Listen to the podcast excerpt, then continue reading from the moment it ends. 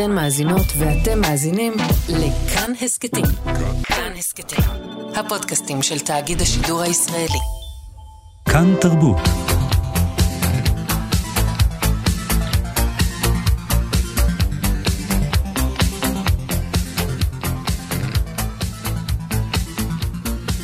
חלון גאווה עם איציק יושע.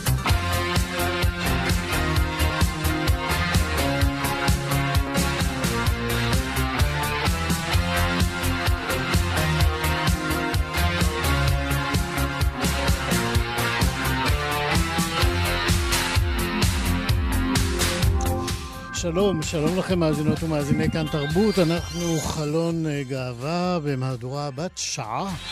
כך גם תהיינה התוכניות בחודש הקרוב, חודש יוני, חודש הגאווה. כל התוכניות בנות שעה. אה, עוד מעט אנחנו נדבר כאן על הדקל הקווירי בפסטיבל הקולנוע כאן, בפסטיבל כאן, פשוט פסטיבל כאן.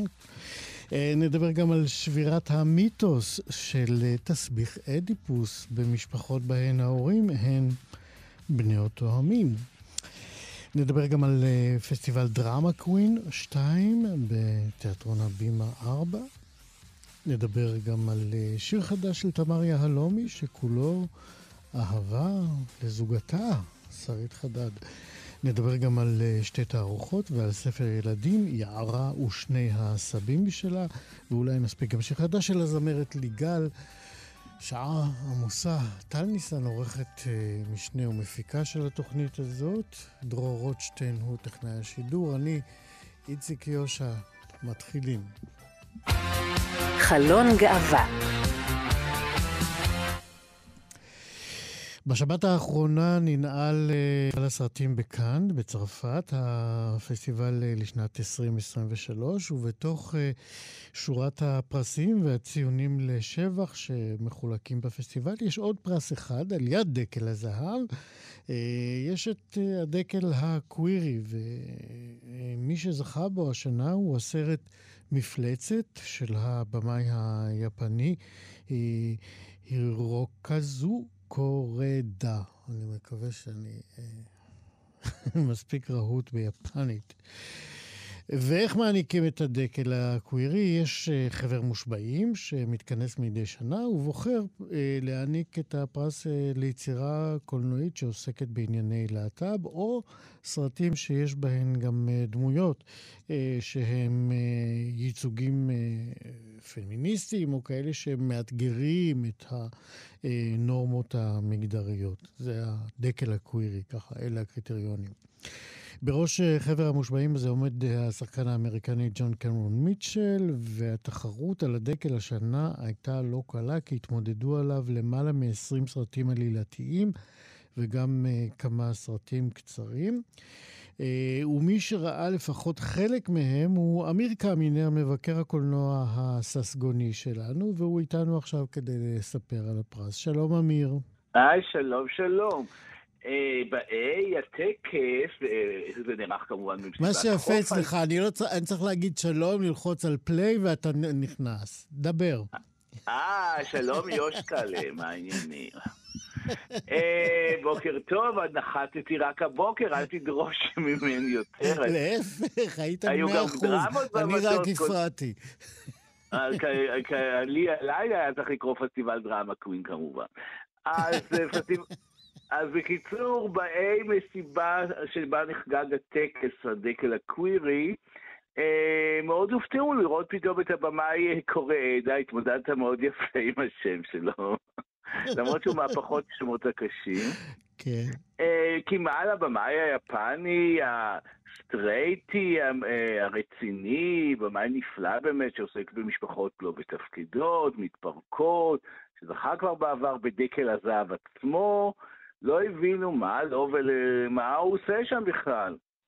אה, ואז התברר שהוא, אחרי שיושב ראש חבר השופטים. אה, שהוא גם במאי נפלא, ג'ון קמרון מיטשל, זכור מאדוויג והשירית העצבנית, אה, סרט קלטי כידוע, וסרטים אח וגם הוא שחקן, כמו שציינת, אז uh, הוא דיבר עליו בכזה חום והכל, ולא, מי שראה את הסרט מפלצת לא בהכרח הבין מה הומואי בו. אז בוא, ת, בוא מה... אתה תגיד לנו. אז אני מנסה להימנע מספוילרים. אה, עזוב, די, גם מהמנהג הזה צריך להפסיק, להימנע מספוילרים. ספרו את הסיפור, מה זה לא, משנה? רואים את הסרט, רואים את הסרט. בוא נאמר מציג בצורה רשומונית סיפור על התעללות בילדים. בוא mm. נאמר, זה מתרחש על רקע סיפור עם ילדים, וכל מי שחווה בילדותו גם bullying, גם אה, גילוי הומופוביה, זה הזדהה איתו בין היתר, אבל זה מאוד נעשה בדרך יפנית ומרומזת ויפה. אז אה, עד כמה שאפשר לייפות בולינג, כן. זה סרט שנקנה על ידי סרטי לב, הוא יגיע לישראל, הוא גם זכה בפרס, בפרס התסריט בתחרות הרשמית, וזה מאוד מעניין שהשנה היו כמה סרטים אסיאתיים, אה, כולל הבמאי אה, טקשי קיטאנו, שנגעו בסוגיה הומואי. כידוע, במזרח לא תמיד, המזרח, אני מדבר יפן, סין, לא תמיד יודעים להתמודד עם הנושא הזה, והם לא מרבים לעסוק בו. והנה, הרי כן יש שינוי, נרשם שינוי. כדאי לציין שהזוכה הגדול של הפסטיבל, אז מי שזכה בעצם בדקל הזהב, אה, זה אה, אנטומיה של נפילה, סרט של במאית בשם ג'וסטין טריה צרפתיה. גם עוסק ב... יש שם דמות ראשית, בוא, אני לא רוצה לפרט שום מסיבות ספוילרים, שמפגינה נזילות מינית, בוא נאמר שהיא נהנית מש... משני העולמות. אוקיי. אה. אז זה הדקל הקווירי, אנחנו צריכים נכון, לסיים, בוא תבחר. נכון, זכו בפרס הזה, בוא נגיד, סרטים אה, מצוינים, כמו נערה, זכור לטוב, כן, כמו דיוקן של נערה כן. באש, כמו קרול. Mm-hmm. Uh, הסרט הראשון שהיה זה היה של גרגר uh, קבום, זה מ-2010. Uh, כאן פיגרו אחרי פסטיבלים של ברלין כמובן שהיה חלוץ עם הטדי, ואחר כך ונציה. Mm-hmm. והדקל הקווירי תופס יותר ויותר תאוצה ועניין, וגם אפשר היה לראות את זה גם במסיבה, יפה. לאור כמות התקשורת שהגיעה אליה. ואתה תלך uh, לבדוק גם מה קורה ב-2024. אנחנו כבר לא נהיה פה, לפחות אני, אה, אבל אנחנו מאחלים uh, לדקל הקווירי הצלחה גדולה, וכן ירבו. אמיר קמינר, תודה רבה. תודה לך, יושה, ביי, יום טוב. חלון גאווה מחקרים על אה, ילדים אה, במשפחות להט"ביות אה, מוכיחים כבר המון זמן, המון שנים, שהמשפחות האלה, הלהט"ביות, לא נופלות מהסטרייטיות, ובמקרים רבים מצב הילדים של המשפחות הלהט"ביות משקף אפילו יתרונות על ילדים ממשפחות סטרייטיות, בכל הערכים של גידול ילדים והרווחה שלהם. המציאות הזאת כמובן מעודדת מול כל משנאינו, אה, אבל, לא אבל, אבל בכל זאת אבל, התברר שבמשפחות שבהם ההורים הם בני אותו המין, גם מאתגרות מוסכמות, או לפחות אחת מוסכמת יסוד בתיאוריות אה, פסיכולוגיות רווחות. אה, הציבור הרחב אה, כולו מכיר את תסביך אדיפוס, לפחות בשם. והתסביך הזה, מתברר, מתרסק עכשיו בקול די גדול מול המציאות שמשקפת, משקפות המשפחות הלהט"ביות. דוקטור יפעת אה, איתן פרסיקו גם כתבה על כך עבודת דוקטור, שרואה עכשיו אור אה, בספר חדש, ששמו המשולש חדש, על חוויות אדיפליות במשפחות חד-מיניות. שלום דוקטור יפעת איתן פרסיקו. היי, איציק. תגידי קודם, לפני שניכנס ככה, נצלול לתוך uh, uh, המהלך כן. המרסק שלך את המיתוס. Uh, קודם תגידי, מה זה אדיפוס? מה, מה, מה התסביך אומר בגדול? אוקיי, האמת שהתראיינתי כאן בתוכנית לפני כמה שנים. נכון, כשכתבת מאמר. על הדוקטורט, נכון. עכשיו זה כבר ספר. ועכשיו זה ספר, ולא רק שזה ספר, זה ספר שהוא ממש מונגש למשפחות. זאת אומרת, המטרה שלו היא לא רק להתפלפל אה, תיאורטית, שיש לזה הרבה חשיבות, כן? אה, אבל היא גם אה, להגיע להורים ולשתף אותם בחוויות של משפחות אחרות, וכן להציף כמה נקודות אולי שהן חשובות בהקשרים האלה. וכשאני אומרת אדיפוס, אני מתכוונת לא רק לחלק הזה שמדבר על המשיכה להורה אחד והיריבות עם ההורה השני, אלא בעצם אני מדברת על המבנה המשפחתי הבסיסי הזה, ש... אה, אבל רגע, יפעת, את שוב כן? בורחת. בואי נשאר במקור. מה אומר הנוסחה? מה אומרת הנוסחה של תסביך אדיפוס? הנוסחה אומרת בפשטות שילד מפצל את היחסים באופן כזה שהורה אחד הופך לאובייקט של תשוקה אירוטית, המכונה האימא? אם זה בן המכונה האימא, ואם זה בת אז זה האבא. אמ, באופן הכי אה, פשוט ושטחי של זה, וההורה. השני הופך להיות יריב על התשומת לב. ומעורר משאלות רצחניות. אבל פרויד עצמו בעצם דיבר על אה, תסביך אדיפוס שלם. זאת אומרת, ש, אה, שהוא הכיר בזה שהבן גם נמשך באופן מיני לאביו, ויש גם את הצורה ההפוכה, שהוא רוצה גם לריב עם האימא על תשומת הלב של האב, כן? אוקיי. Okay. ואותו דבר לגבי הבת. אה, והדבר הזה כמובן נדחק, אה, ואחר כך גם מוגדר כפתולוגיה בהמשך הדרך של הפסיכואנליזה. אה, ובעצם מה שאמרת, שהמחקרים מראים שילדים מתפתחים היטב, כאילו לא כל כך מסתדר עם, ה, עם ההנחה שהתסביך האדיפלי מראש מתחיל מהכרה של ילד בהבדל בין המינים בין ההורים שלו, mm-hmm. ו... זאת אומרת, יש איזושהי בעיה עם הניבוי של התיאוריה, באופן כזה ש... שהמחקרים האלה בעצם מכריחים אותנו לחזור לתיאוריה ולשאול מה, מה לא בסדר בתיאוריה. אז זהו, אם, אם אני מבין נכון, ת, ת, mm-hmm. תתקני אותי כמובן אם אני טועה, מה שבעצם את באה ואומרת, הצורך הרגשי, הפסיכולוגי הזה של אה, להימשך להורה משמעותי אחד ולהיאבק בהורה השני, התהליך הזה של להתאהב ולהיאבק הוא משהו בסיסי בהתפתחות של ילד, ולא חשוב מי הם שתי הדמויות המשמעותיות. האם הם שתי נשים, אם הם שני גברים. נכון. אז מצד אחד, הנתונים ממש מראים את זה, שהדבר הזה כמעט כל הילדים בעצם יראו איזושהי גרסה כזאת או אחרת של מין מבנה כזה. זאת אומרת שכן, יש איזשהו צורך רגשי כזה, אה, שהוא קודם לשאלות של מין ומגדר וכל זה, אבל מצד שני, גם ראיתי שילדים שההורים שלהם הם מהמין השני, כלומר בנות של הומואים ובנים של לסביות, היו יכולים את התשוקה הזאת לבטא בצורה הרבה יותר ישירה.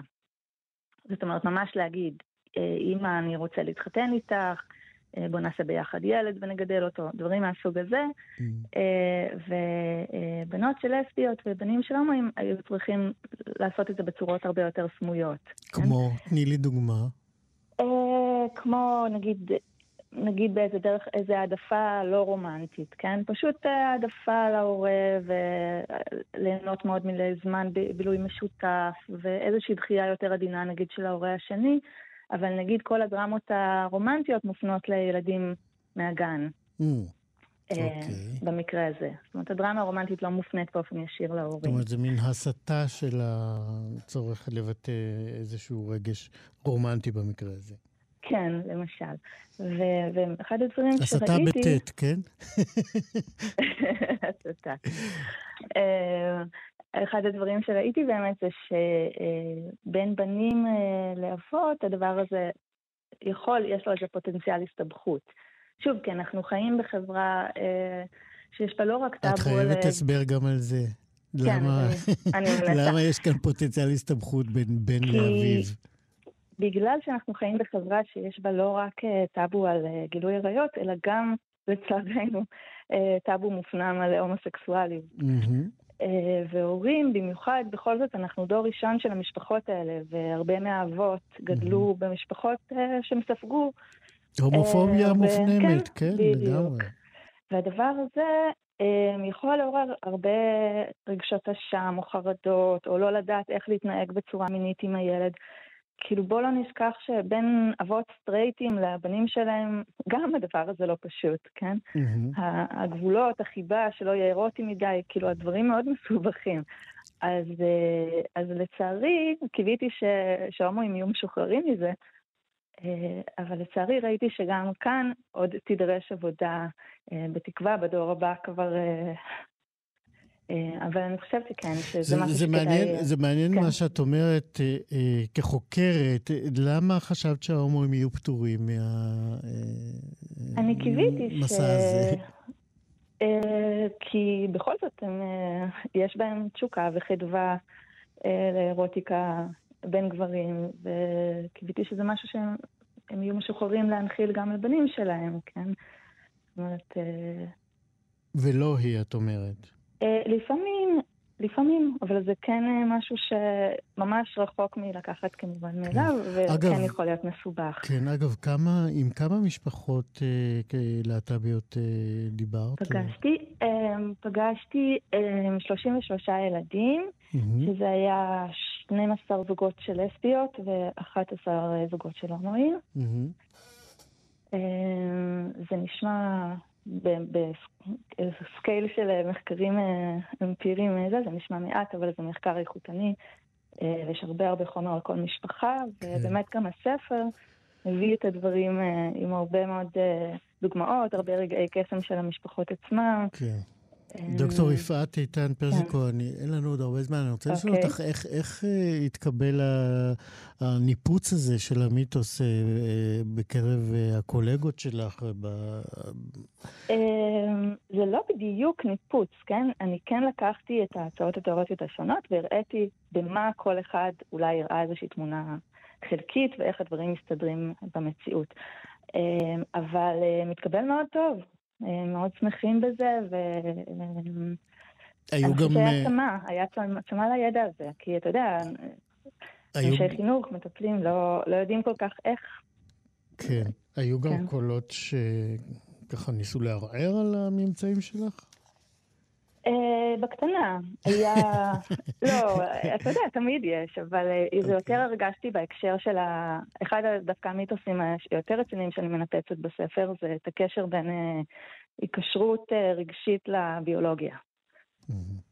אני בעצם מראה, כן? נגמר לנו הזמן?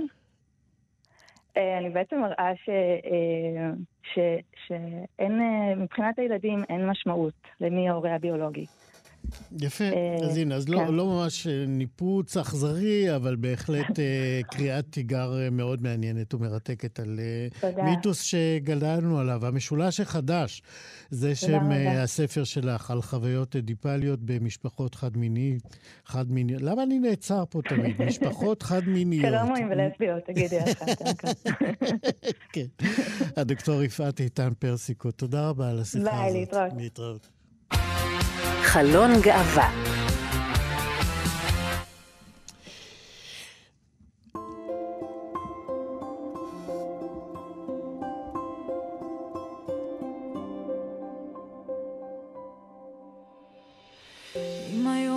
שבסוף זה ככה ירגיש, הלבד ימצא בית. אם היו אומרים לי שאת תפתחי לי הלב, תהפכי חורף לקיץ. אני חיכיתי שנים כמו מדבר לגשמים, נשמה מסתובבת, וכל זה היה לי שווה, בסוף באת אליי. מכל התפילות שכתובות בשמיים, מי חשב ששלי תתגשם ותבוא קשה לטעות אה, בקול הזה. תמר יהלומי, זאת שכותבת כבר, אמנם היא צעירה נורא, אבל כותבת המון לעיתים כבר המון שנים, אה, המון. אה, לפחות עכשיו היא כותבת כראוי, לבד זוגה, שרית חדד, שיר חדש, תפילות. הנה, אנחנו נשמע ממנו, ננסה לשמוע כמה שיותר, אולי בהמשך עוד. אם היו אומרים שהזמן יגיד לי לאן הייתי בא חלון גאווה בשבוע הקרוב יצא לדרך אחד מאירועי התיאטרון החשובים ביצירה הלהט"בית בישראל, הלא הוא פסטיבל דרמה קווין 2. מדובר בשיתוף פעולה מאוד מבורך בין התיאטרון המשולש לבין המרכז הגאה של עיריית תל אביב והבימה 4. במשך אה, שבוע שעליהם יועלו על בימת אה, הבימה 4 אה, הצגות ומופעים ואירועים שהתכנים שלהם מן הסתם להט"בים, ודווקא בימים האלה שהקהילה והערכים שלה נמצאים תחת... התקפה של אה, טרור שלטוני, הייתי מגדיר את זה ככה, אה, מהסוג של אה, אבי מעוז למשל. אז חשוב שהתיאטרון הלאומי לפחות פותח את שעריו בפני פסטיבל דרמה קווין. התיאטרון המשולש, עוד נספר לכם קצת, הוא נולד, הוקם לפני שנתיים על ידי שלושה יוצרים. יוצרי תיאטרון ו... וצעירים כולם, כן? ואחד מהם, רום רזניק, נמצא איתנו עכשיו. שלום, רום רזניק. שלום, איציק, מה שלומך? תודה רבה. תשמע, מספר שתיים זה כבר התחלה של מסורת, דרמה קווין שתיים. נכון, מחייב. אה, ואיך אתם עומדים לעמוד בהתחייבות הזאת? אה, אני מקווה שנעמוד בה בגבורה, אנחנו מאוד נרגשים אה, לקראת הפסטיבל השנה. הפסטיבל הוא אה, בעצם איזושהי גדילה משנה שעברה, אה, גם בכמות התכנים, גם באופיים. אז זהו, אני רוצה להגיד שכשהקמתם את התיאטרון, אחת הסיבות או התחושות שהרגשתם שיש צורך או יש מקום לתיאטרון כזה, זה החסר או החיסרון הגדול, אה, לא חיסרון, החס, זה גם חיסרון, אבל פשוט לא היו מספיק כן. אה, יצירות להט"ביות, ואתם הייתם, התפלאתם עוד יותר לראות כמה אין. מה קרה באמת מהרגע שהקמתם את התיאטרון? התיאטרון, האם זה אה, גרם לאיזושהי התעוררות כתיבתית, יצירתית, אה, אה, בקרב יוצרי הקהילה?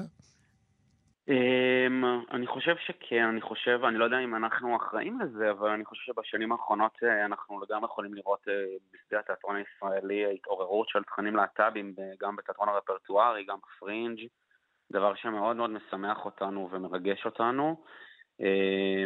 אני חושב שזאת אה, תנועה מאוד חשובה אה, וראויה שתקרה. אה, אנחנו מפגרים בעיניי קצת ביחס לקולנוע ולטלוויזיה, אבל לגמרי יש התקדמות בעניין, ואני חושב שמעבר לכמות התכנים, או, או אתה יודע, לכמה רואים את זה בתיאטרונים, זה בעיקר גם עניין הייצוג. אה, איזה ייצוג אנחנו רואים, גם אה, של אה, איזה מגדרים, איזה נטיות. עוד מעט וגם... נדבר על זה, אבל זה מזכיר לי שטל, עורכת המשנה הנהדרת שלנו, אומרת לי, למה שלושה גברים מנהלים את התיאטרון הזה, התיאטרון הגאה? למה שלושה גברים? אנחנו שני גברים ואישה. אה, אז הנה, קיבלת תשובה, טל. היא מכה את עצמה... בגלל שאנחנו שלושה זה אכן לא, לא, לא היא מכה את עצמה על התחקיר ה...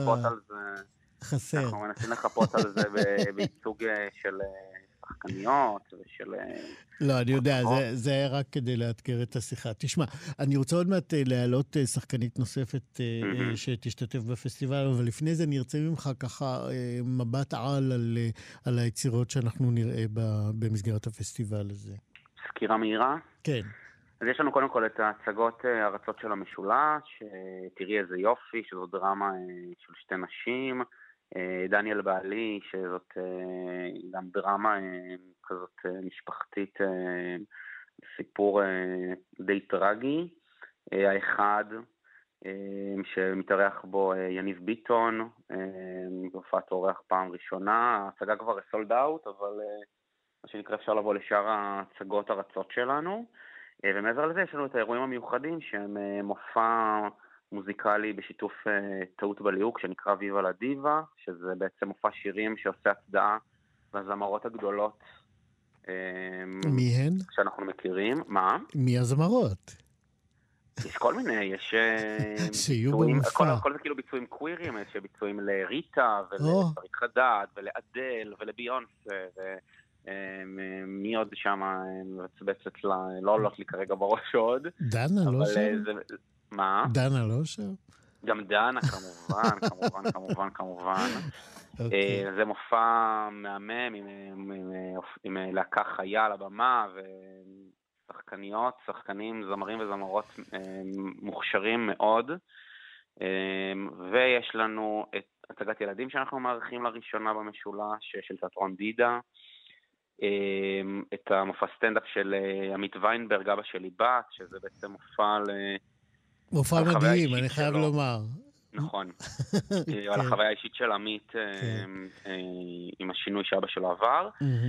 ובסוף הפסטיבל יש אה, אירוע שנקרא קוויקי, מופע שהוא בעצם מורכב מחמש הצגות קצרות, שנכתבו במיוחד לפסטיבל על ידי כותבות וכותבים ישראלים, שזה גם מופע מאוד מאוד, גם מיוחד מבחינת. התכנים שהוא מעלה, גם הייצוגים שהוא מביא, כן. אה, וגולת הכותרת שלשמה התכנסנו, זאת בעצם הקריאה המבוימת, אה, שתכף נדבר עליה. ארוחת ילדים שמביימת נכון. אליל אה, סמל. נכון. אז נכון. תגיד במשפט מה זה קריאה מבוימת, ואז נפנה ליובל כהן. קריאה מבוימת לדעתי זה האירוע הכי סקסי שיש בתיאטרון. הוא לא נשמע ככה, אבל הוא כזה. זה בעצם אירוע שבו שחקנים, מקריאים את הטקסט קוראים uh, אותו, כן. של המחזה, קוראים אותו, uh, ובעצם משחקים, זאת אומרת, הם עושים את כל הפעולות, והם כאילו חיים את הדמויות שהם מגלמים. רק אין תפאורה בעצם... ותאורה. בדיוק, אין תפאורה, יש תאורה, אבל כאילו אין תפאורה, הם עושים את זה בצורה מאוד מינימליסטית, שבעצם בעיניי משאירה המון המון מקום לקהל לדמיין את ההצגה הכי טובה שהם יכולים לדמיין. וככה התחלנו שנה שעברה את דניאל בעלי, בפסטיבל שנה שעברה, בתור קריאה מבוימת שמאוד מאוד הצליחה, וזה בעצם מתגלגל להיות הצגה. ואנחנו מקווים שכך יקרה גם עם ארוחת ילדים. יפה, אז בואו נצרף באמת לשיחה שלנו את uh, יובל כהן. שלום יובל. שלום איציק, מה נשמע? תודה רבה, מה שלומך? בסדר גמור. תשמעי, אמרנו שזאת הפעם הראשונה ש... אני לא יודע, עכשיו אני אומר, שהסיפור הזה של ההצגה אה, הוא בעצם פעם ראשונה מועלה אה, סיפור שהוא אה, חברות, סיפור אהבה, ככה בין שני גיבורים שהם על הגיבורות שעל הקשת הטרנסית. מתי את שמעת פעם ראשונה על המחזה הזה? אני שמעתי לראשונה על המחזה, האמת שקראו לי בשביל לעשות את התפקיד, שהציעו לי את התפקיד. אמ, זה מחזה מהמם, מהמם, מהמם, שהוא גם נכתב אה, אה, על ידי יוצרת תיאטרון שהיא הבינארית וגם בהפקה המקורית, וגם אצלנו משחקים בה אה, שחקנים מהקשת הטרנסית, שזה מאוד מאוד מאוד מאוד חשוב ומאוד יפה. וזה מין מגמה כזאת שקורית. אז זה יפה, יפה שאת נוגעת בזה, יובל. תסבירי mm-hmm. למה זה מאוד חשוב שבתפקידים האלה באמת יהיו גם שחקנים ושחקניות טרנסים.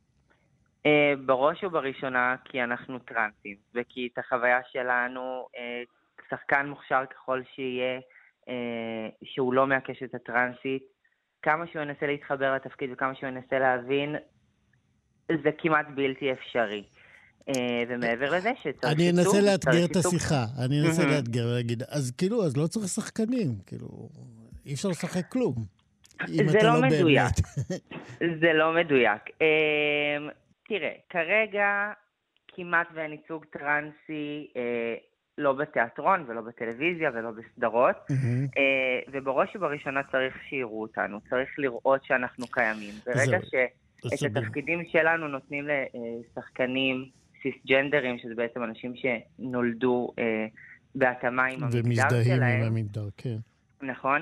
אז לא רואים אותנו, אנחנו לא קיימים. הסיפורים שלנו מסופרים על ידי אה, אנשים שהם לא אנחנו, נכתבים גם לפעמים על ידי אנשים שהם לא אנחנו, אה, וזה יוצר פשוט אה, חורים וחוסר... אה, אה, הרבה פעמים גם חוסר דיוק בדברים, וגם התכנים לא מועברים, לא מועברים והייצוג שאנחנו מקבלים לא מועבר בצורה שהיא תורמת אותנו. יפה. אז אני רוצה בהקשר הזה לשאול אותך, כמה באמת את היית מעורבת אה, בעיצוב הדמות, אה, למרות שהיא כתובה ו- ויש mm-hmm. הנחיות ברורות, אה, אה, דווקא בגלל שבאמת אה, הטיעון שהעלית עכשיו לגבי אה, ייצוג של שחקנים ושחקניות טרנסים? תראה, בגדול, עם רוב התפקיד שלי אני מזדהה מעצם היותי. זאת אומרת, לא היה צריך לעשות יותר מדי התאמות. אמ, אני רואה את עצמי המון בדמות הזאת, גם מבחינת החוויה שהיא עוברת, גם מבחינת הקשיים, גם מבחינת אה, אה, החרדה מהחברה, החרדה מהתגובות, מה יגידו, והקשר המאוד מיוחד שהיא מפתחת עם הדמות השנייה שהיא בעצם גם טרנסית, שניהם לא יודעים שהם טרנסים, והם בעצם אה, באינטרנט, אה, לפחות פעם, שזה היה כזה נורא אנונימי ונורא... אה, אה, אה, כאילו הם בנו לעצמם איזה מין דמויות כאלה, ודרכם הם סוג של יצאו מהארון ופיתחו את הקשר הזה, Mm-hmm. אה, אז לא היה צריך לעשות יותר מדי התאמות. זאת אומרת, אני כן. מתחברת מלכתחילה לרוב הדברים ש... שהדמות שלי עוברת. יובל כהן, איתך משחק גם אלן ווקר, נכון? בהצגה? נכון, ונגיד נכון, שאותך המאמן. יכולנו לראות גם ב-high definition, ב-HD, שהיה נכון. בניסן נתיב, ואני ראיתי את זה, ואת נהדרת, ואנחנו מאחלים לך... תודה רבה, תודה רבה, איזה מאחלים כיף. לך שחקנית מעולה. הצלחה, ורום, לסיום, מתי, עד מתי הפסטיבל יימשך? אז הפסטיבל בעצם מתחיל ביום שישי הקרוב, בשני לשישי, והוא נמשך עד העשירי ליוני, אה, שבוע שלם, ואנחנו מזמינים אתכם ממש ככה להציץ בכל האירועים באתר המשולש, אה, ולבוא לראות את יובל ואלן, הם אה, באמת מהממים, והסימביוזה הזאת בינם לבין התפקידים אה, הוא מרגש מאוד, גם בתור מי שהציץ בחדר חזרות. אני זה בא. משהו מאוד מרענן. אני ו- כבר בא, תשמור לי. כרטיסים. נא בוודאי, לשמור. איזה יופי. רום רזניק ויובל כהן, כיף לדבר איתכם, ובהצלחה לפסטיבל ולכם. ביי ביי. תודה רבה, ביי ביי, תודה רבה. חלון גאווה. ביום חמישי הקרוב אה, תתקיים הפתיחה החגיגית של התערוכה שנקראת אה, היי של האומן העומרי כורש. אה, התערוכה הזאת תוצג בגלריה לאומנות עכשווית ושבטית בתל אביב. היא נמצאת ברחוב אה, מרכז בעלי מלאכה. אה, עוצרת התערוכה הזאת היא נעמי גורדון אה, חן. אה, ועמרי כורש, כאמור, הוא האומן והוא גם העורך שלנו עכשיו. שלום עמרי, שלום, מה שלומך? אני בסדר גמור, תודה. אתה מדבר נורא מהר. כן, למה? כי ממש כיף לי, אז אה, אה, וגם אוקיי. אני מדבר מהר. נכון, אתה בהיי, ככה אומרת טל. כן, תשמע, מכיוון שאנחנו ברדיו, אה, אה, בוא אתה תנסה, ככה, כיוצר של הציורים בתערוכה, קח אותנו לשיטוט בתערוכה על הקירות של הגלריה. תתחיל בהתחלה. אמ, בעיקרון הקונספט הכללי הוא אסקפיזם. אה, אני אוהב ליצור סוג של עולמות פנימיים, ואז להביא אותם לעולם האמיתי. כל ציור הוא סוג של אה, בריחה של הדמות הספציפית שמוצגת בציור. אני כאילו, אתה צריך לתת לי משהו קצת יותר ספציפי, אני חושב, יותר, ושאני אוכל להסביר לך מה... אני, אתה יודע, אתה האומן, אז אה, רציתי לעשות לך דמיון מודרך. הנה, עכשיו אתה מדמיין את הקירות, אתה הולך בר- בראש אה, תמונה-תמונה. אבל אתה יודע מה, בוא נלך לדברים שכתבה האוצרת שלך, נעמי גורדון חן, כן? כן. היא מגדירה אותך אומן פרובוקטיבי. זה משהו שאתה חותם עליו. מה עושה אותך כן. פרובוקטיבי? אמ, אני, אני אגיד לך מה, יש לי, יש לי ניסיון מאוד מוזר בעבר, וגם היום, אוקיי. שאני עושה דברים שנראים לי סבבה, זורם, מגניב, נחמד, כאילו, כאילו ממוצע, ואז אנשים אומרים לי, וואו, זה כל כך שונה, זה כל כך מיוחד, זה נראה מטורף. הייתה לי אחת לא מזמן ששאלה אותי אם העבודות שלי זה AI, כי היא שאלה אותי בנוגע לרעיון נוסף. באמת?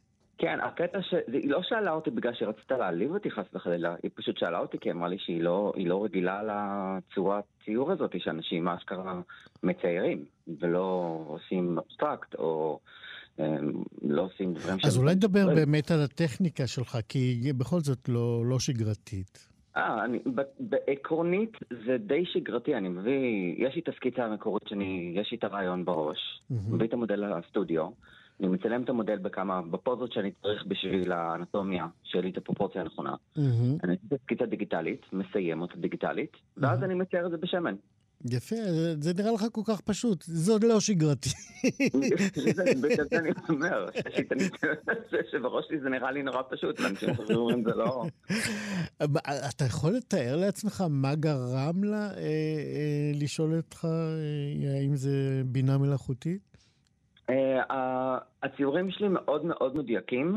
אני אוהב להיכנס לתוך הפרטים, זה גם, גם מרגיע אותי, זה מאוד אה, תרפיה, אבל גם אני אוהב לצייר את הפרטים, אני אוהב להיכנס לרמת הפיקסל. אני אוהב לצייר דברים שהם נורא נורא עדינים, נורא נורא מדויקים, ומאוד ייח- ייחודי, זה נראה... הרבה פעמים גם אמרו לי לא לצבוע את הקנבסים בצדדים בשחור או בלבן, ואני לא הסכמתי, כי אמרתי לאנשים, הבעיה שאנשים חושבים שזה דיגיטלי. כי זה כל כך מדויק, שאנשים חושבים שזה ציור דיגיטלי, אבל זה לא ציור דיגיטלי, זה ציור שמן.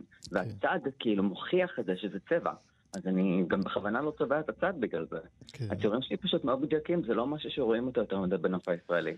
נכון, מאוד שונה. צריך באמת לראות את הדברים, ואני ראיתי אה, המון דמויות של נשים יש ביצירה שלך, וישאל השואל, אה, איך אה, צייר הומו מצייר כל כך הרבה נשים?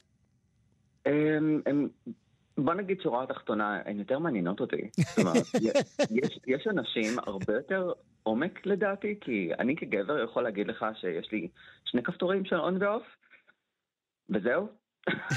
נשים הן הרבה יותר מורכבות ומעניינות, וגם אצל נשים גם יש יותר אפשרות ללבוש דברים. זה כמו שהסברתי לאימא שלי לפני כמה זמן, אמרתי לה, אני רוצה לשים משהו יפה לתערוכה, אני לא יודע מה ללבוש. אז אתה הולך לחנות, אתה רואה חול טי-שירט ואתה רואה ג'ינס, וכאילו שם נגמרת הרשימה. תשמע, כאילו, אתה זה- רק צריך לפזר את השיער ועשית את השינוי. כן, אבל זהו, כאילו, אין גם, כאילו, אין לי יותר מדי אופציות. אגב, עד לאן מגיע השיער שלך? אמצע הגב? השיער שלי מגיע עד אה, קצת, בחלק העליון של החזה שלי מגיע. די ארוך. כן, אבל גם בתערוכה אני גם אשים תוספות שיהיה קצת יותר, אה, עוד יותר אה, מסיבי. אה, אוקיי. עד לאן? עד אמצע הגב. בערך, בערך, עד הפטמות. זה האורך המקסימלי שהראש שלי יכול לתת, אחרת זה נראה שאני צריך פשוט מקלחת. כן. אני, אני אמרתי לעצמי לשאול אותך, אה, ב... אמרתי שהתערוכה מוצגת בגלריה לאומנות עכשווית ושבטית. מה, מה, מה זה אומנות עכשווית ושבטית? כן. אה, היא מציגה אמנות ישראלית ושבטית, אז אה, לא, היא פשוט מציגה כל מיני סוגים, היא מציגה גם דברים שבטיים אה, סטייל אפריקה וכאלה, וגם היא מציגה דברים שהם יותר ישראלים, זה תלוי בעיקרון על פי הדודה של בעלת הגלריה גליה שהיא נהדרת. וזה פשוט אחלה location, זה קרוב לשינקין, זה ממש במרכז תל אביב, אחלה של מקום, ממש גלריה מקסימה. נהדר. בבניין השימור, יפהפייה. אז הנה, אנחנו מזמינים מכאן. עד מתי תוצג התערוכה שלך? היי? אה, כן, הפתיחה היא בראשון לשישי, שזה יום חמישי, בשעה שמונה. מהמם. עדיף לא לאחר לגלריות, אנשים לא יודעים את זה, אבל בדרך כלל פתיחות הן השעתיים הראשונות, שזה ה big deal. וזה במרכז בעלי המלאכה 13 תל אביב, וההזמנה גם תהיה בפייסבוק וגם בכל מיני מקומות, כבר כתבנו על זה. יש גם מתנה קטנה שיש לנו, עשיתי 100 מטבעות ייחודיים שאנחנו ניתן ל-100 מבקרים הראשונים. וואו. כל אחד יכול לקחת. כן, אבל זה, זה כאילו יהיה קולקטור אדישן, זאת אומרת לא יהיה יותר מה- מהמטבעות, זה הולך נטו על פי מי שבא קודם. וזה יהיה תערוכה יפהפייה ונהדרת ממש. אז הנה עוד אה, פיתוי, יהיה גם מטבע למאה הראשונים. היי, כן. זה שם של התערוכה שלך, עמרי כורש. כן. אנחנו מאחלים לך הרבה הצלחה. תודה רבה. להתראות. להתראות. חלון גאווה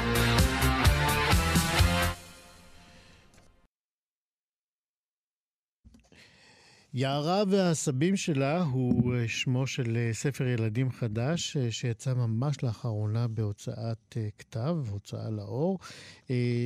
הספר נכתב במקור בפורטוגלית, והכותב שלו הוא דוד ראש פינה, שאומנם מתגורר בישראל, אבל עדיין לא מיטיב ככה לבטא את עצמו בעברית. ונספר לכם שהספר הזה מתאר את הביקור של יערה.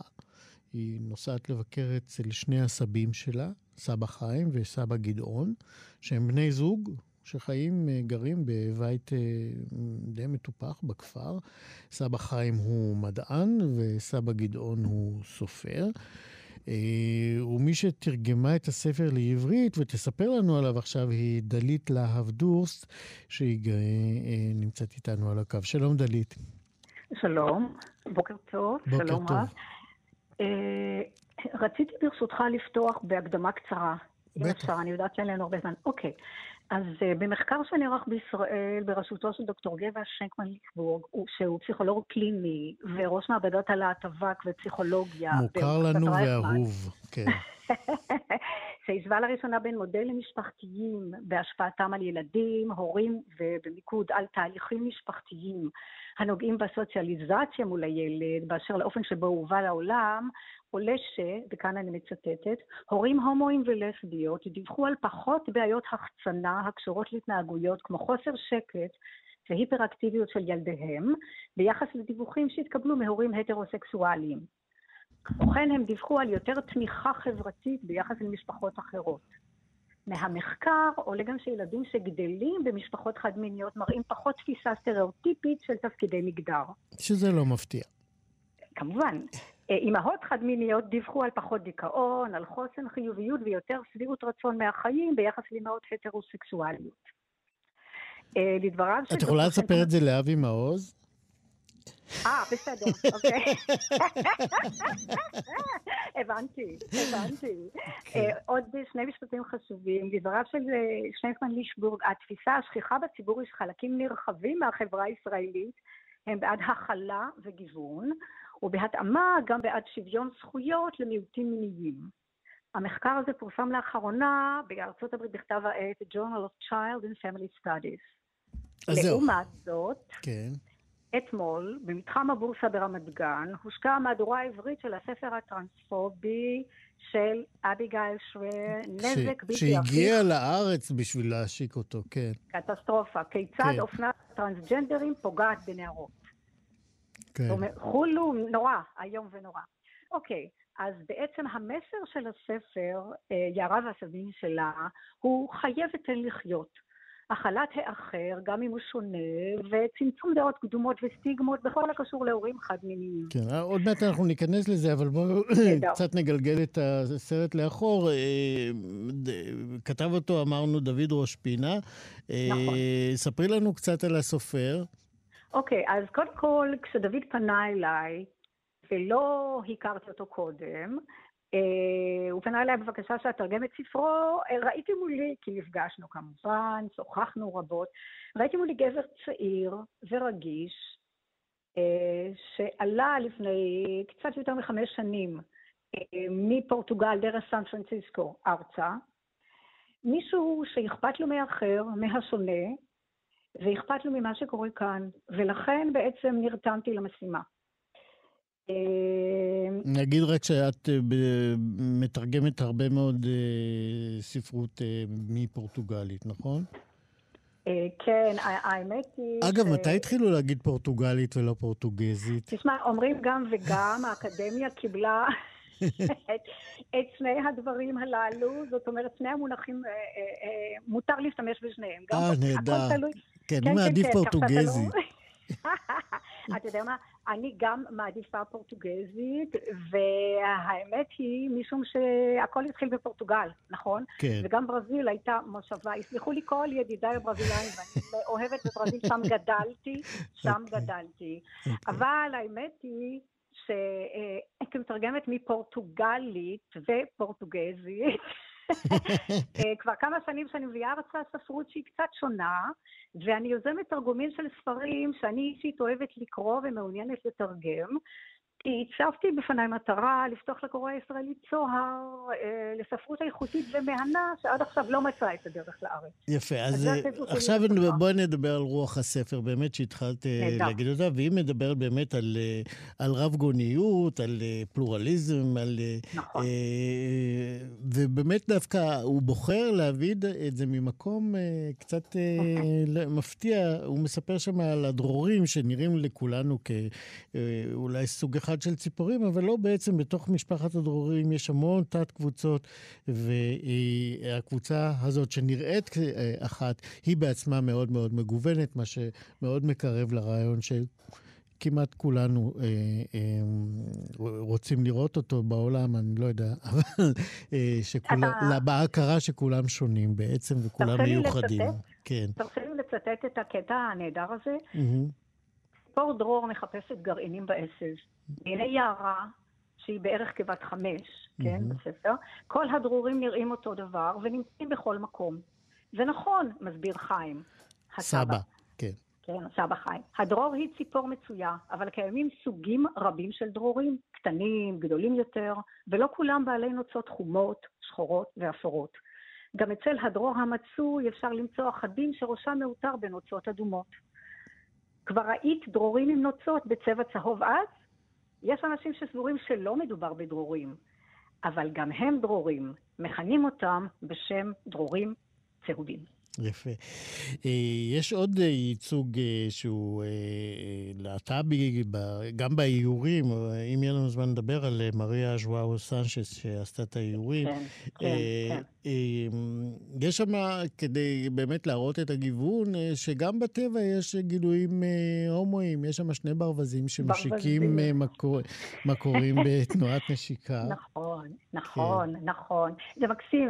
אפרופו, כשדוד פנה אליי והראה לי את האיורים של מריה ז'ונסה, שהיא אה, אדם מקסים, אה, כמובן אה, פורטוגזית, נולדה בפורטוגל, וטוב,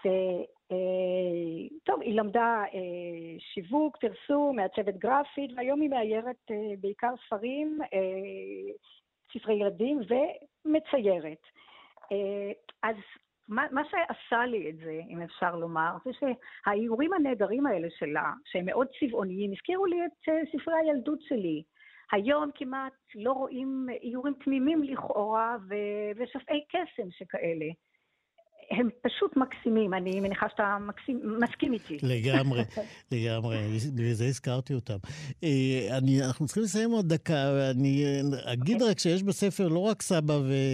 שחי עם בן זוגו, יש גם סבתא שחיה עם בן זוגה, אה, סבתא אורנה שחיה עם סבא יוסף, ויש גם את סבא, כן. סבתא זיווה, שהיא נכון. ציירת נודדת בעולם. אה, אנחנו לא כך יודעים איך, זה, איך נוצרו. איך זה מסתדר? כן. אוקיי. אז ככה, קודם כל, צריך לומר שהספר נותן הצצה לעולם החי והצומח מבעד לעיניים של יערה, mm-hmm. כן? בהנחיית הסבים שלה. עכשיו, יערה שהיא ילדה ערנית וסקרנית, מבקרת אצל שני הסבים שלה, סבא חיים שהוא מדען, כמו שאמרת, ובן זוגו סבא גידול שהוא סופר. Mm-hmm. השניים מתגוררים בחיק הטבע, כנראה בכפר. וישנה גם סבתא זיווה, שהיא ציירת שמציגה ברחבי העולם, היא כל הזמן בנסיעות. וסבתא אורנה, שהיא בשלנית מעולה, וחיה עם בן זוגה סבא יוסף, או יוסף, שאוהב מאוד את הפרדס שלו ומדבר עם העצים ועם החיות. עכשיו, אה, לא ברור גם לי, אבל אני לא חושבת שזה משמעותי, מי היה נשוי בזמנו לסבתא זיווה הציירת, אם זה סבא חיים לא או סבא גידול. ילדים סקרנים לא... שואלים שאלות, אבל אולי זה טוב, הם ישאלו אה, את מי שיספר להם את הספר הזה. אנחנו צריכים לסיים לצערי, אבל mm-hmm. אנחנו נזמין את הקוראים, של, את המאזינים שלנו לקרוא בספר הזה ולהעביר אותו הלאה. יערה והסבים שלה, דוד ראש פינה הוא שכתב אותם, דלית להב דורסט, זה את, שתרגמת אותו ודיברת איתנו בכל כך הרבה חן. תודה רבה על השיחה הזאת. תודה לך. להתראות. חלון גאווה בגלריה ויטרינה שמכון, שבמכון HIT בחולון מוצגת בימים האלה התערוכה צבעים חיים. בתערוכה הזאת מוצגות עבודות עיצוב ואומנות בטקסטיל, בחומר וצבע. אה, ועל פי דברי אה, אוצרות התערוכה, אה, העבודות האלה נוגעות במשמעויות, במשמעויות אישיות, באופנה וקיום אישי, בחוויות של זיכרון ודימוי עצמי והיקסמות. כל הסיסמאות האלה, עוד מעט אנחנו ננסה אה, להבין אה, מה עומד מאחוריהן. חלק מהעבודות אה, בתערוכה הזאת הן של אה, האומן אה, ניר ג'ורג'יו לוין, שמציג סדרת עבודות באדום לוהט. צריך לומר, אה, עבודות שנעשו בטכניקה של אה, סריגה במכונה. פעם היו מכונות סריגה כאלה, גם בבתים פרטיים. אה, אחת מהן היא תאוות בשרים, שזה מיצב שמתייחס לשבעת החטאים בנצרות. הוא מתמקד בעיקר בחטא השביעי, תאוות הבשרים, בעיקר תאוות הבשרים ההומוסקסואלית, שעל החטא הזה אין מחילה, והעונש הוא מות הנפש, זה העונש. שלום, ניר ג'ורג'יו לוין. שלום, שלום. מה שלומך? אה, מעולה, אני מתרגש להיות פה איתך. אה, טוב, אם מישהו מתרגש להיות איתי, זה אומר שגם אני צריך להתרגש, אז בוא נתרגש ביחד. תגיד, מה אכפת לך, מה הנצרות חושבת על ההומוסקסואליות שלך? אה, מה אכפת לי? נצרות, קודם כל, היא איזשהו מכוון תרבות עולמי בעיניי. אתה יודע, רוב הדברים בתרבות היום, הספרות, השירה, הקולנוע, הטלוויזיה, כולם בבסיסם אה, נוצר על ידי אנשים אה, נוצרים, בין אם הם אה, מאמנים אדוקים או לא, אבל זה משהו שהוא סביבנו תמיד, בין אם זה בכנסיות, שאני אישית גדלתי בתוכן, כי אמא שלי לקחה אותי להמון המון טיולים בעולם, ונחשפתי לכל הציורים הגדולים באמנות, שבעצם על ידי הכנסייה הם הוזמנו, זה מכוון תרבות, זה מכוון היסטוריה, זה... הנצרות ודת בעיניי משהו שהוא מאוד מאוד אה, רלוונטי למי שאנחנו, בעיקר היום בישראל, זה גם משהו שהוא קצת אה, אז- רלוונטי. כן, אז בואו נזכיר בהקשר הזה באמת אה, שאתה נולדת כנוצרי. נכון, נולדתי בברזיל, אני יליד ברזיל, ואימצו אותי בעצם בגיל, בגיל צעיר, והגעתי לארץ, וגדלתי בתל אביב כל חיי, ועברתי גיור בגיל מאוחר יחסית. אה, על שאלת אה, זהות אה, הדת ו- והלאום וישראליות מול ברזיל. כאילו, אני, אני ישראלים, אני ברזילאים, אני נוצרים, אני יהודי, איפה אני על הסקאלה, זה משהו שמאוד... אה, עד היום אני חושב עליו, החל מבדיחות בבית ספר של אה, על פולנים, אבל אני בכלל לא פולני, אבא שלי פולני, אמא שלי רומניה, ואני בכלל ברזילאי, ואיפה אני בסקאלה, והחיפוש המתמיד הזה של, אה, של אה, מי אני ומה אני, אה, עד היום מלווה אותי בעצם גם ביצירותיי וגם במחשבותיי האישיות. ו... אז בוא באמת אה, ספר לנו על, על החיבור הזה, על המקום שבו החוויות האומנותיות מתחברות עם החוויה אז- האישית, ואנחנו נוכל לראות את זה למשל אז, אז, בתערוכה. אז בעצם הפרויקט מציג מיצג שנקרא תאוות בשרים, כמו שאמרת, זה אחד מהחטאים האסורים שעליהם אין מחילה, אתה לעד נידון למות הנפש, ואני רציתי להציע אה, סיפור חדש, של במקום ללכת בעונשו, של ללכת במחילה. בעצם ייצרתי בפועל אה, אה, מין, קפלה טקסטילית שכולה סרוגה בדימויים אדומים, שחורים, שמרפררים הרבה מאוד דימויים איקוניים מהנצרות. ובעצם היה, גם בחדר עצמו רקבים של מוטרט בקולי קולות, והיה חשוך, והיה צריך להוריד נעליים, ורציתי להציע מקום למחילה, מקום לאנשים אה, לספר סיפור חדש, לסלוח לעצמנו, אולי חיפשתי מקום שאני אוכל לסלוח בו לעצמי, או לקבל את עצמי, ובעצם זה היה מין חדר חשוך כזה שאתה נכנס אליו ויוצא בחזרה לאור, אז גם יש לי משהו פילוסופי, זה ניסוי חברתי כזה שאני שם בו הרבה מאוד סימני שאלה, ו... ומראה, ו- ורואה גם איך אנשים מגיבים עליו, אנשים לפעמים, אה, כי זה בעצם כל החושים, זה הסאונד וזה, ה- ו- ו- וזה הדימויים עצמם שהם בקנה גודל מאוד גדול סרוגים, אז בהתחלה הם נראים לך מטושטשים, אז הם מתקרב ונראים לך ברורים, ו- ובעצם הפעולה של להביט בדימוי, אני בעצם מציע לאנשים להביט גם בעצמם, אה, באופן פילוסופי שכזה, ולסלוח לעצמם על דברים שהנצרות או היהדות או האסלאם, בעיניי הדת היא דת והאיסורים בדתות הם אה, די זהים. זאת אומרת, אה, זה לאו דווקא הנצרות, פשוט היא בעיניי המכוון תרבות הכי גדול היום בעולם המודרני. אז נתפסתי עליה כדי, על, על הגל שלה בעצם, בשביל לספר סיפור נוסף, או לייצר נרטיב חדש, או אה, בעצם גם לשים דימויים אה, של גברים הומוסקסואלים בתוך כנסייה טקסטילית שבניתי, מה שלא היה, לא, לא היה קיים בעצם, שגדלתי בתור ילד שמטייל בעולם בכנסיות ורואה את אה, הציורים הגדולים בעולם שציירו באופן אירוני על ידי הומוסקסואלים לרוב, אה, שלא לא קיבלו ביטוי בעצם לשים את עצמם בתוך היצירה. כן. אה, אתה מקבל אה, תגובות על ה... נגיד, ראו את היצירות שלך אנשי דת אה, נוצרים כן, למשל? כן, את- את האמת שהיה לי אה, דיאלוג מאוד מאוד מעניין, הצגתי את אחת התערוכות בתדר בתל אביב, ונכנס לחדר, אה, לת- לתערוכה, בחור שאני רואה עליו שהוא דתי ממש, עם, אה, עם הבגדים, בחור צעיר דתי, עם אה, נכנס פנימה בריצה, ממש הוא רץ פנימה, ו... והוא יצא החוצה והיה מאוד מאוד נסער, ואני הייתי כבר מוכן אה, לתקוף, כאילו במילים. והוא, בא אליי, אתה ניר לוין? ואמרתי לו, כן, זה אני, והוא אמר לי, מה זה, למה אתה מציג את זה, מה קורה פה, מה אני רואה, למה, מה אתה מספר? והרגשתי שאני מותקף בהתחלה, ולאורך שיח של בערך חצי שעה, הבנו ששנינו בעצם מלאי סימני שאלה, ושאני הייתי רוצה שהוא יתקוף אותי, הוא, הוא הרגיש שאני תוקף אותו ביצירותיי ובאמירותיי בפרויקט, והגענו לאיזשהו עמק של כאילו, האם, האם, האם דברים עדיין רלוונטיים? האם חטא עדיין, חטא תורת בשרים עדיין רלוונטי היום? האם, האם האיסורים ביהדות הם עדיין רלוונטיים? למה הם רלוונטיים? ואם כן, מדוע? זאת אומרת, אמרתי לו, אין תשוב, אין, אין לי תשובות, יש לי סימני שאלה, אני רוצה לבדוק אם דברים עדיין רלוונטיים, זה משהו שנכתב בספר לפני הרבה מאוד שנים, עדיין, עדיין מתקיים היום בתרבות שלנו היום בתל אביב שלי, אמ, וזה היה דיון שהוא, הייתי בטוח שהוא יהיה מאוד מתנגח ומאוד אה, אלים מילולית אה, בתפיסה שלי, אבל הוא היה מהדיונים המכבדים וה, והמדהימים שיצא לי לחוות, באמת, ואולי אולי השיא של הפרויקט הזה מבחינתי באיזשהו מקום, ברמה האישית שלי. כיוצר. יפה, אז בואו מכאן אנחנו... עד מתי התערוכה תוצג? התערוכה תוצג עד יולי. אה, ובאמת אה, מוצג שם הרבה מאוד דברים של אמנים אה, רבים, ממעצבי אופנה למעצבי טקסטיל, למעצבי נעליים, והיא בעצם מראה מראה מאוד מאוד שחורה באיזשהו מקום על תעשיית האופנה מהטקסטיל, שלא יודע אם ידוע לכולם, אבל היא השלישית המזהמת בעולם. זאת אומרת... אה, התעשייה הישראלית? לא, לא, העולמית. תעשיית האופנה והטקסטיל העולמית היא התעשייה השלישית הכי מזהמת בעולם. 60% מהזיהום הימי נוצר על ידי זיהום טקסטילי, אמ, ואנחנו, כל הצריכה שלנו בבגדים וטקסטיל זה משהו שהוא מאוד, מאוד מזהם החל מהמים שאנחנו... אה, אה, אה, אה, אה, אה, בסין יש מפעלים שצובעים להם את הבדים, והצבע עצמו הוא צבע כימיקלי, יופי, בוא, בוא. נשים אה, נקודה, ניר, אנחנו צריכים אה, לסיים. אין הנה, אנחנו בעיה. הזמנו שוב את הקהל לבוא, אמרנו עד החמישה ביולי, נכון? נכון, בדיוק. בגלריה ויטרינה. על שם כן. ג'וליה מזרחי, AJT, המכון הטכנולוגי בחולון. ניר ג'ורג'יו לוין, תודה רבה על השיחה הזאת. תודה רבה לך. להתראות. להתראות, ביי ביי.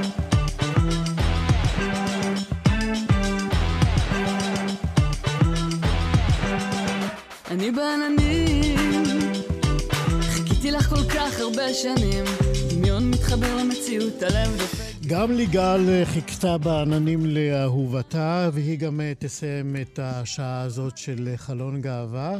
תודה רבה מאוד לטל ניסן, עורכת המשנה ומפיקה של התוכנית הזאת. דרור רוטשטיין היה טכנאי השידור אחרינו. מה שכרוך, יובל אביבי, מה יעשה לה? איזה כיף שאתם פה.